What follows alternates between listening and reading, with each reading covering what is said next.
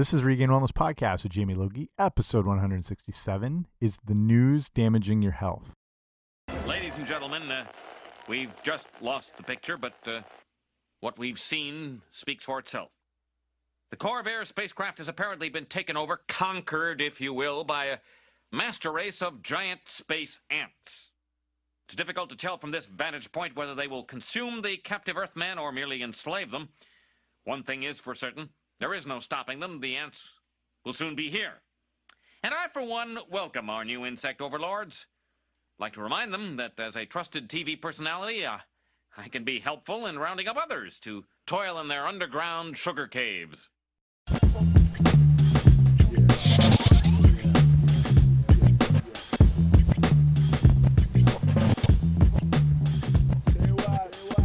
Hey guys, what's happening? Welcome back to the podcast. I'm Jamie Logie. I run RegainedWellness.com, and this is the Regained Wellness podcast of the same name.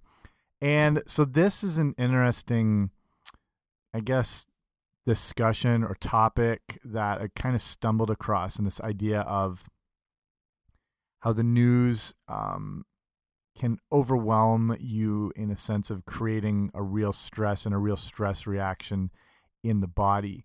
And I've done a lot of shows on stress before, and whether it's real or perceived, it's still again it has the same outcome in the body, and your body still reacts the same way. And it's an interesting article I was listening to. it was um, a talk by Nora Gedgaudas, who I've had on the show, who's as brilliant as they come, and just talking about all things like nutrition and health, and this uh, this kind of presentation on people not being aware of what this constant exposure to the news and the state of things and the the fear mongering that happens with it, how it's actually damaging your health, and hence the uh, intro from the Homer Goes to Space episode where Kent Brockman with any slight reaction and the news's response is just to blow things out of proportion as far as jumping to conclusions and garnering ratings and all that stuff. So this is a pretty interesting topic and one that I hadn't given a ton of thought to till I was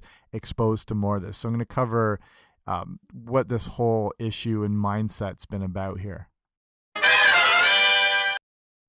So the information this is all based on is from an article in the Guardian, which came out in two 2013, um, written by Rolf Dobelli, and it's the the concept of this is that the that news is bad for you, and giving up reading it, watching it, um, consuming it can make you happier. It's bad for your health. It can lead to fear and aggression. It hinders creativity, even your ability to think deeply. And obviously, the solution is to stop consuming it altogether. And this is amazing because this article is from 2013, and right now it is November 2018 and the state of the news is probably as bad as it's ever been in history. So the foresight already from this, I think, is completely related to right now. So as we look into this article and this um, research, it's just talking how in uh, from the state of 2013 in the past few decade few decades, the you know the fortunate among us have recognized that the you know living with an overabundance of you know food is creating obesity, diabetes, whatever, and we've you know started to change our diets and been proactive and everything like that. But most of us do not understand that news is to the mind what sugar is to the body, and it's a very interesting concept. In the sense, it's very easy to digest. It's quick acting, like sugar. It's a fast acting carb. News is the same thing. It's instant in the body. The media feeds us, you know small little bites of trivial matter, tidbits that don't really concern our lives. Um, they don't require a lot of thinking.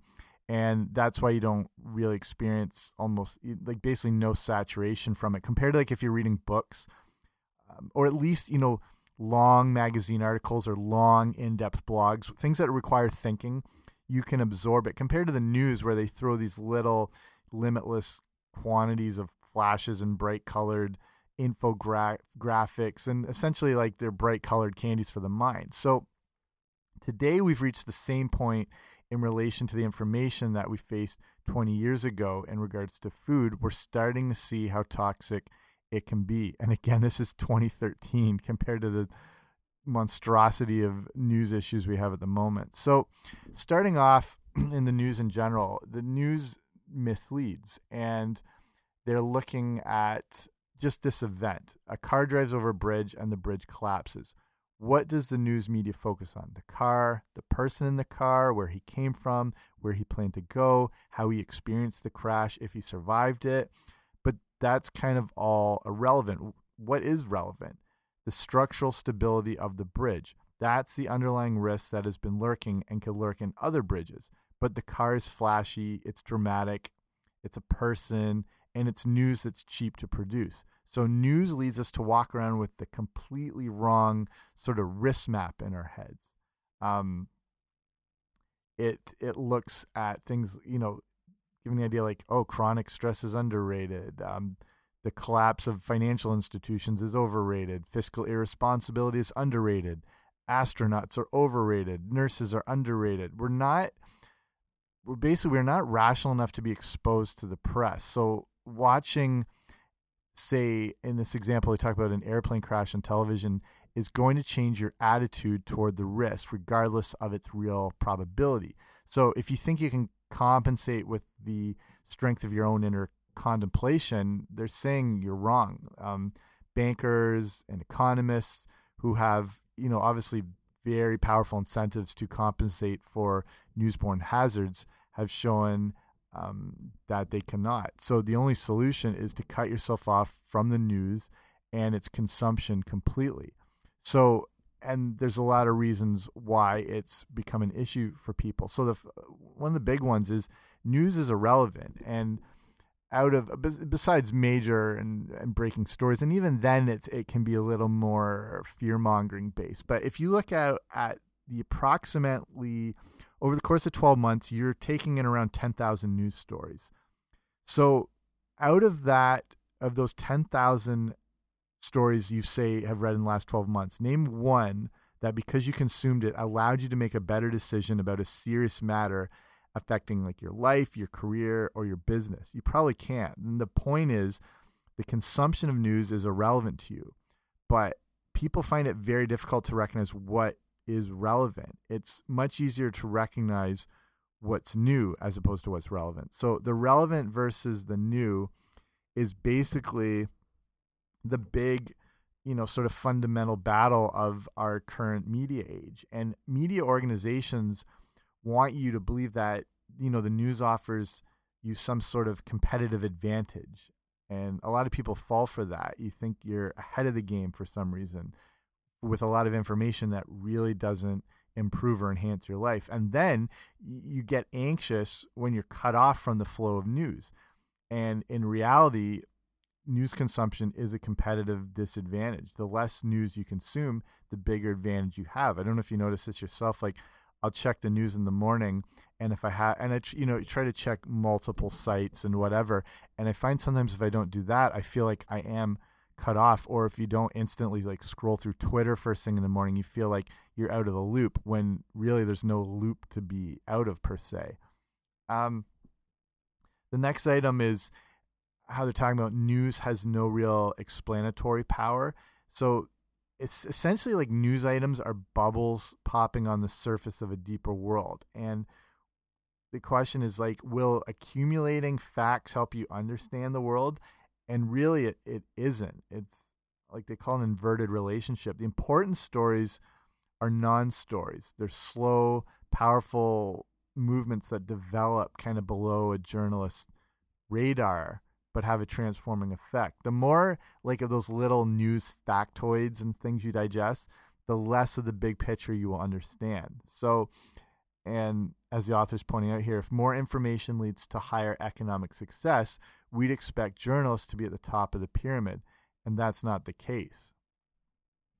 So then when we're looking into the you know some of the health effects here, there is a response in your body and that news can be toxic to your body.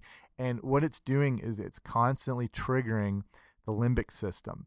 And you know those panicky sensationalized stories spur the release of different um, stress hormones, things like cortisol, um, you know that that can be very damaging to your health. And I've done a lot of shows on stress and cortisol and the issues of how little stress is okay, but constant elevated stress leads to a lot of chronic problems.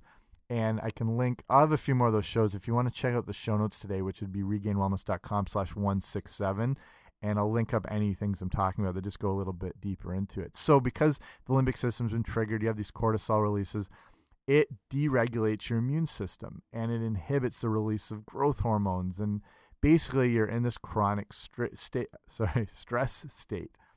And then these high stress levels they impair digestion. There's you know they delay or they prevent you know improved growth from cells and hair and bones um, you you have higher nervousness. You have more susceptibility to infections.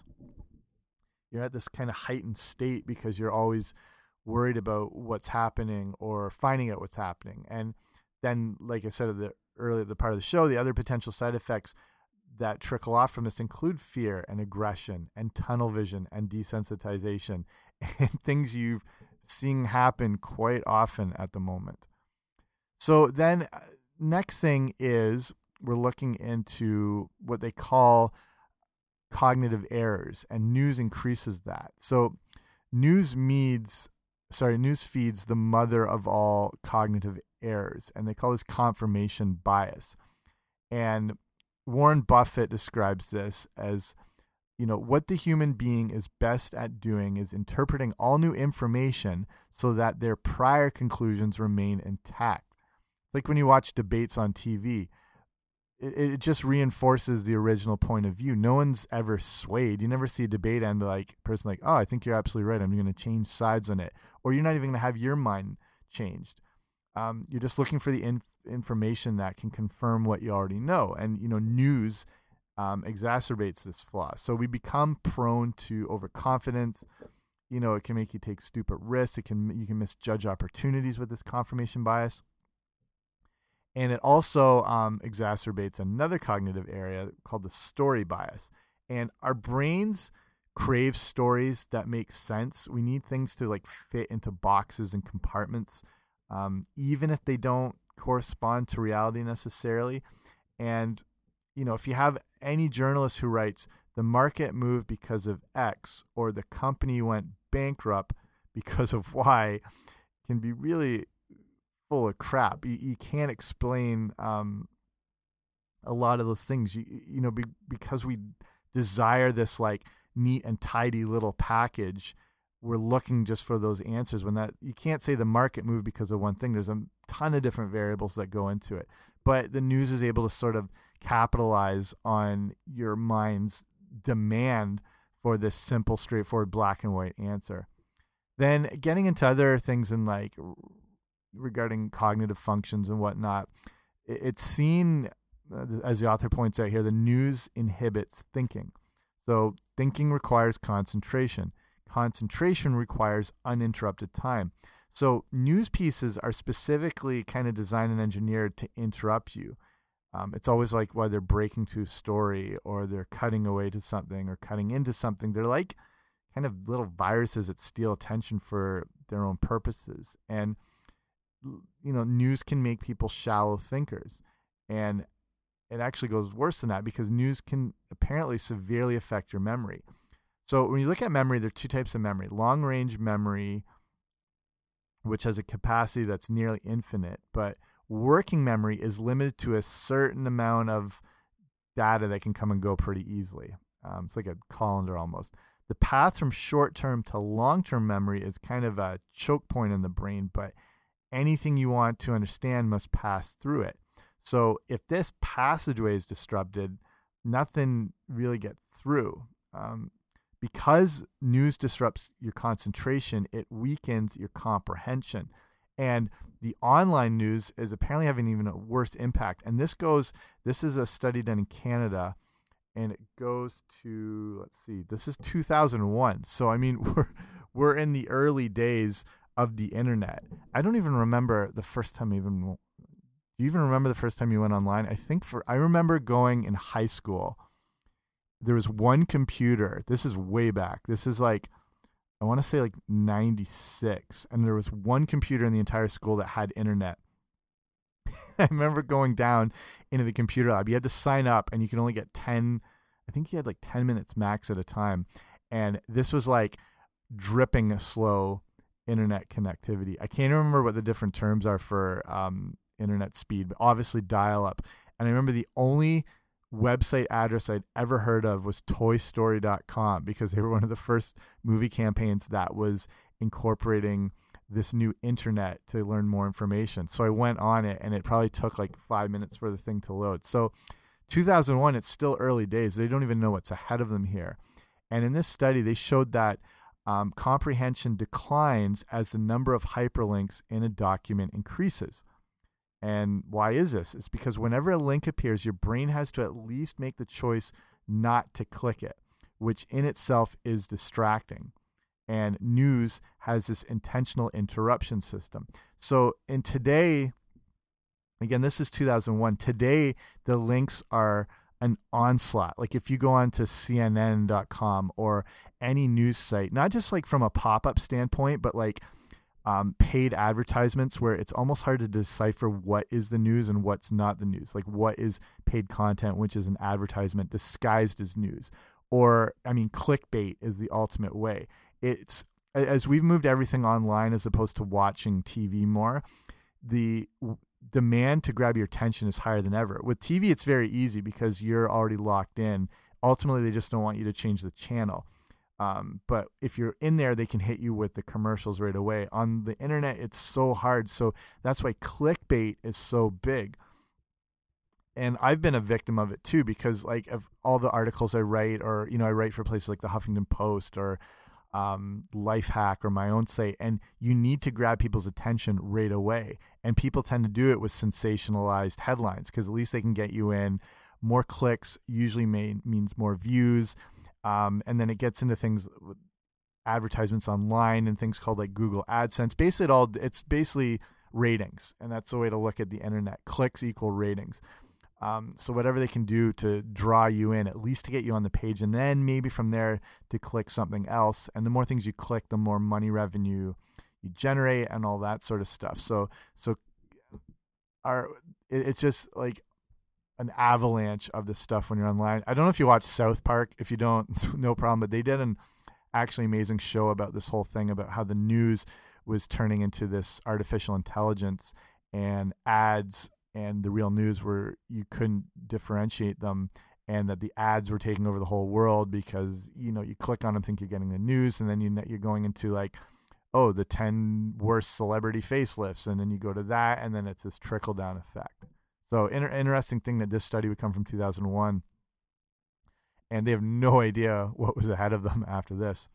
Um, so next thing, when we're looking into the cognitive issue um, in your brain, is that news actually can work like a drug. So as stories develop, we want to know how they continue. Again, it's kind of that our bodies are kind of hardwired to want conclusion and, and see stories and, and structure. So with hundreds of like arbitrary storylines in our heads, this craving is increasingly compelling and hard to ignore. So, scientists used to think that the dense connections formed along with the you know 100 billion neurons inside our skulls were largely fixed by the time we reached adulthood. Today, we know it's not the case. We know nerve cells routinely break old connections and form new ones. So, the more news we consume, the more we exercise the neural circuits devoted to skimming and multitasking, so multitasking, while ignoring those used for reading deeply, thinking, thinking with a profound focus, things like that. So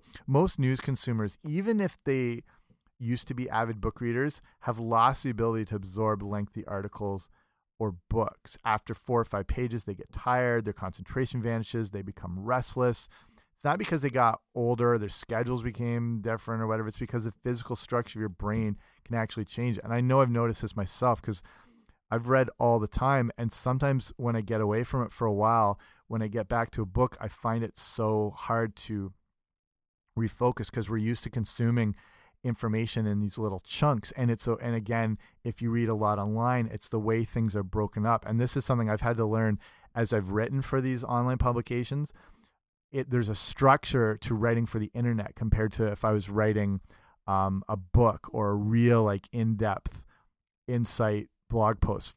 Most like there's so much thing, so many things that are vying for your attention, and I'll just say one site I write for, and they really push this, is that you don't write more than three sentences in a paragraph because people are like almost physically exhausted by seeing a huge block of text. Think of it yourself. Like if you're looking at something on a screen and it's just this massive thing with no um, breaks and paragraphs, it's so overwhelming. You're probably not going to read it. And most people, when you're on online, you don't read, you skim. So when I have to write for these places, you have to hit these big, bolded, um, sort of captions before paragraphs. So the person knows if it's worth going into that. So Sam writing, I'm just, Sam writing about, just off the top of my head, like sugar.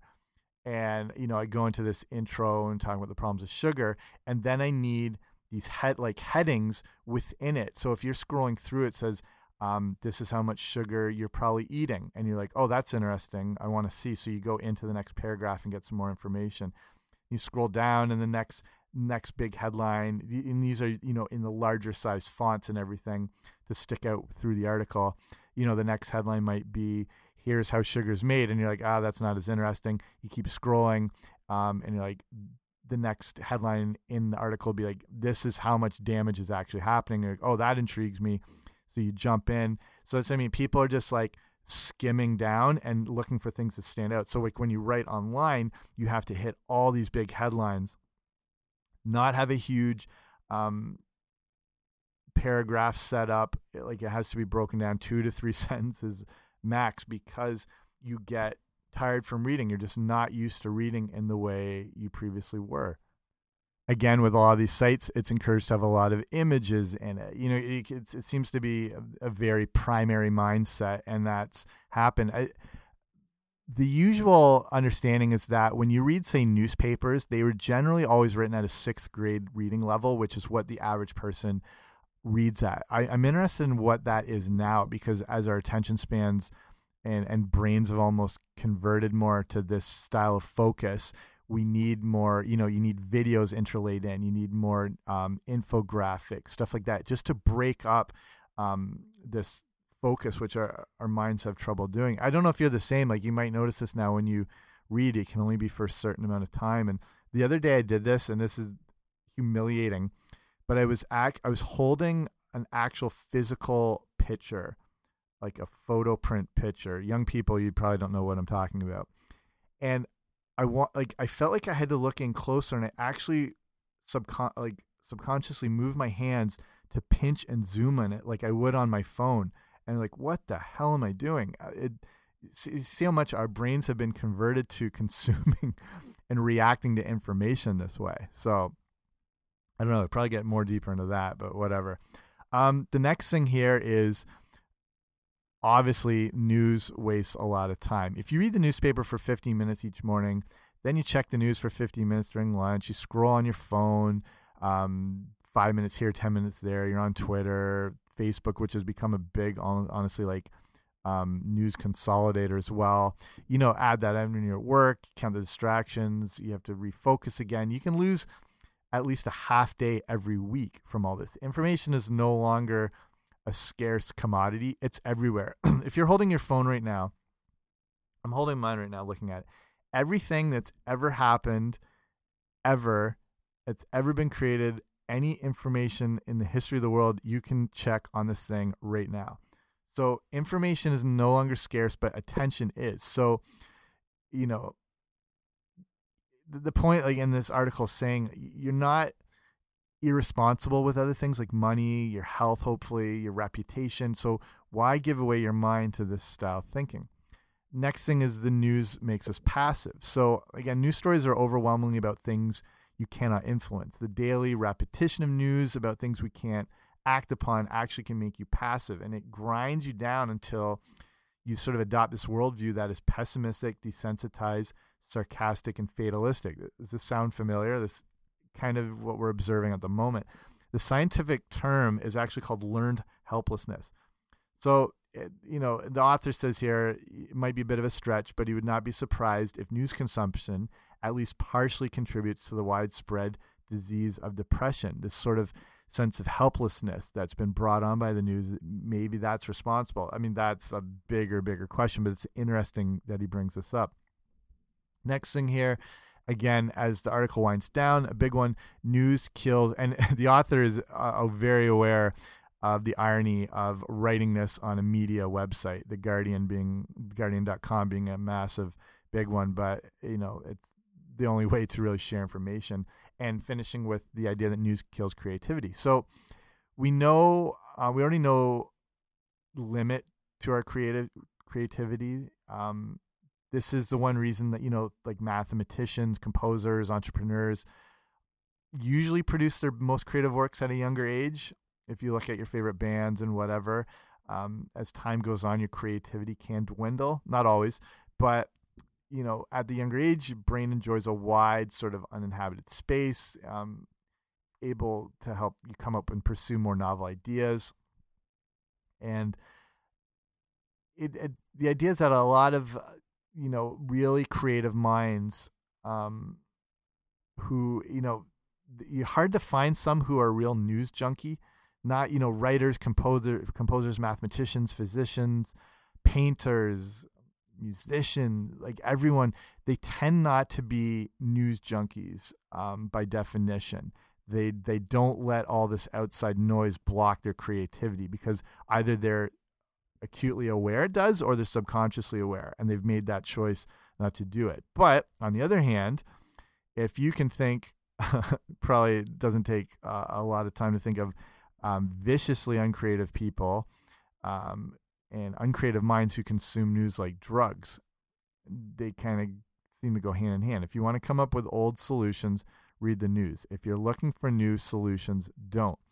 And he finishes up by saying society needs journalism, but in a different way now. So investigative journalism is always relevant, but we need reporting that kind of polices our institutions and uncovers truths. Um, but important findings don't have to arrive in the form of news you can still get you know long journal articles in-depth books even you know good ebooks can do the trick too. And amazingly this guy who's written on the guardian says he's gone without news for four years and so he can see and feel and report the effects of the freedom firsthand. And he reports less disruption less anxiety deeper thinking more time more insights ultimately how it's really not easy because you're breaking this real habit but in the long end or the end of the line it is worth it. So i love this article. I loved all these insights and and kind of my extra two cents with it too is as i talk about this the stress like he touches on the stress issue and we're really seeing again like perceived or real stress it doesn't matter. It, it happens in the body the reaction is the exact same way and can lead to all this inflammation, and inflammation is seen to be at the root of all you know all these horrible diseases and conditions. Um, and as of right now, in in this year, not wanting to go too much on a tangent, it's maybe a bit worse or as bad as it's ever been. And I don't know if that's because of our overexposure to it. I was thinking if you, I don't know if anyone watched that Vietnam special on Netflix and just talking about the, in the whole issue of the 70s, and you're looking at that and and Nixon and Watergate. If we had, I mean, back then there were three news channels. There was no internet, limited amount of information, um, and a lot of despair and hopelessness and whatever. So if we had the onslaught of media from today back at that time, I don't know. I almost think it might have been potentially worse. But we have these, you know, 24 hour news channels. Um, a, a ton of online publications and things that just have to fill time and ultimately hit the bottom line. All these, you know, whether it's CNN or NBC or Fox or whatever, they're all owned by larger giant corporations. And I don't think knowledge and information is really their goal to provide you with. Uh, you know, there it's dollars and cents at the end of the day to keep shareholders happy, stock prices up like that. And I think ultimately that's what's behind everything. And they know sensationalistic news works best. And it's that old, you know, if it bleeds, it leads stories. You know, news channels could fill their entire day with happy, feel good stories, but that doesn't create the same reaction as um, drama and despair and stuff like that. That lo- that tends to lock people in more.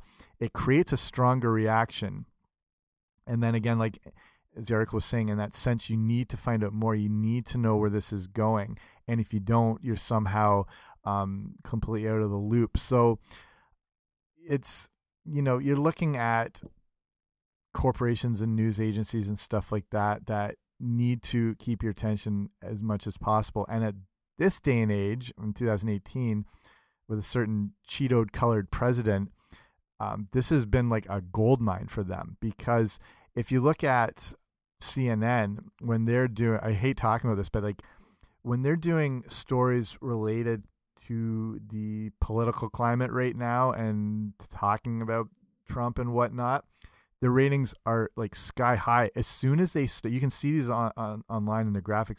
As soon as they cut away from that, their their ratings plummet. So on the one hand, they're talking about how much they despise and hate everything in this, but in for the bottom line, it's been a massive boom because of the interest and intrigue, and people need to tune in to find out what's happening. And ultimately, with these big corporations, is you know, if they're selling things that generate fear, um, in the end, fear leads to consumption. So, in the case of like, you know, media conglomerates and whatever, they have these stories of, of despair and hopelessness and whatever. And it, this is, um, how will we bounce back and whatever. Boom, right into the commercial. You know, buy the Lexus, buy the new iPhone these are the solutions to that fear is the consumption. Um, and then that goes hand in hand with that that basic idea of what marketing is and and and business. And maybe marketing and business and news media are all the same thing. So at the core business is to identify a problem provide a solution so, you know, that's very simple. You have snow on your driveway. How are you going to clear it? Boom, we invented here's a shovel that can scoop through ice. Done, no problem. But in the case of uh, sort of our modern era, I think they're creating um, and identifying problems that don't really exist and kind of placing them on you. And then they're they're creating that by bombarding you with images about like here's what beauty should look like. Here's what happiness should look like. Stuff like that and kind of wearing you down wearing you down and then boom here's a solution. You know get this makeup. Um, here's this medication that'll do the trick. Buy the apple watch that'll make you happier. And and it's sort of this core vicious cycle thing that goes around and i think the news has the ability to kind of draw you in especially at the moment.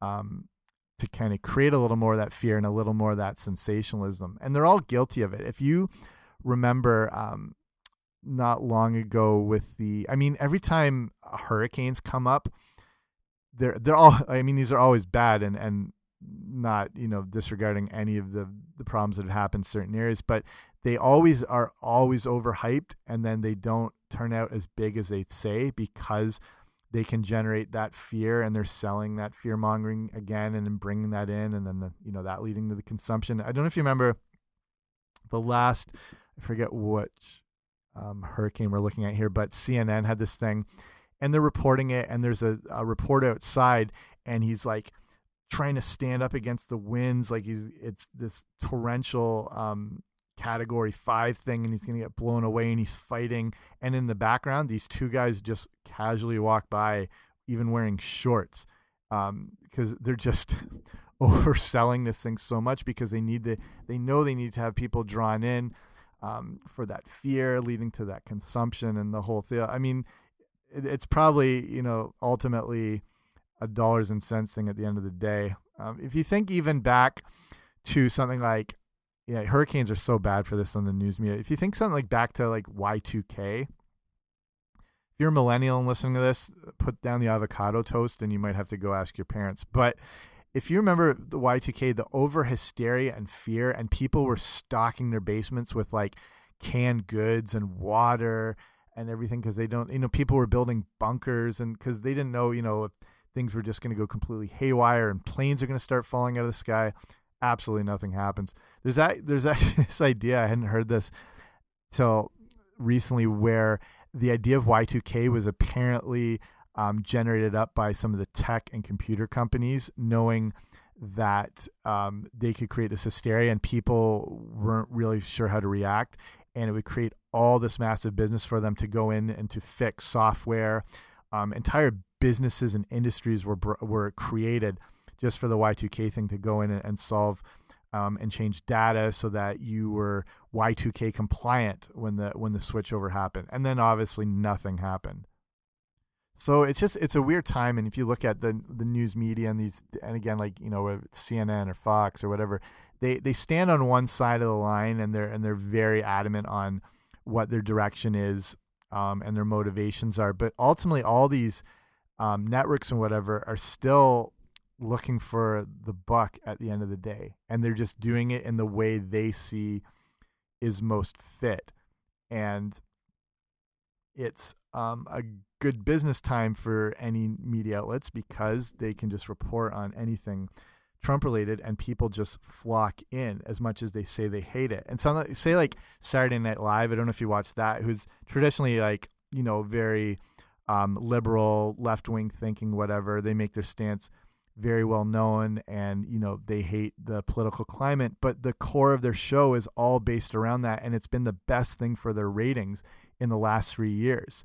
So, you know, it's funny on one side, you think they would just, you know, try and completely ignore and not bring attention to it. But in the long run, it helps their bottom line. And the fact their ratings are so high, which is incredible in this day and age where people really don't watch a lot of live TV, and especially on a Saturday night. So the fact people are tuning in is a big deal. If you just think, however, you know, different things are to take your attention and ratings are just not what they used to be. If if you think like say in the 80s, the 70s or 80s, there was only like three networks. So in any given night, a third of the entire viewing country is watching whatever it was, even if it was a piece of crap like the Brady Bunch Variety Hour or whatever. So today, where you know three or four million viewers is considered pretty good, and anything of like 10 to 11 million is considered like through the roof ratings. Where in the 80s just the average run of the mill even rerun show was doing like 40 to 60 million people. If they had ratings of like 11 people, everyone would be fired and the, the complete network would be turned upside down. So just that outlets like this are banking on this um, kind of chaos and stuff that's happening right now because it's a way to draw those eyes in. It's the ultimate in clickbait. It's like real life clickbait, and and the news um, can absolutely capitalize on it. So I'll cut it off there, just so hopefully this doesn't hasn't gone off on a, just like a complete bender here. But it, it's something I've been more aware of now as I, as exposed to more of this information. Um, and uh, this constant state of distress that's in a lot of people's bodies because of the state of things. And you know, if things are bad, they're bad. But sometimes is it more the constant awareness of it as opposed, you know, to the actual situations that aren't as bad. We're we're just we're so overexposed, and it really and based on a lot of this information here, it's doing some damage um, when it's not even providing you anything in the long run. So that's it. I don't know if you have any thoughts. I'd be interested to hear. Um, share them. You can email me anytime to info at regainedwellness.com. If you haven't already, make sure to subscribe to the show anywhere you get podcasts. I mean, whatever you're listening to on right now, you can probably subscribe there. Probably Apple Podcasts, but everything like Stitcher, iHeartRadio, everything like that. If you really like it, give a rating review. More people get to see it that way. Um, and again, like anything I talked about here on the show notes will be regainedwellness.com slash 167. That's it for me. See ya.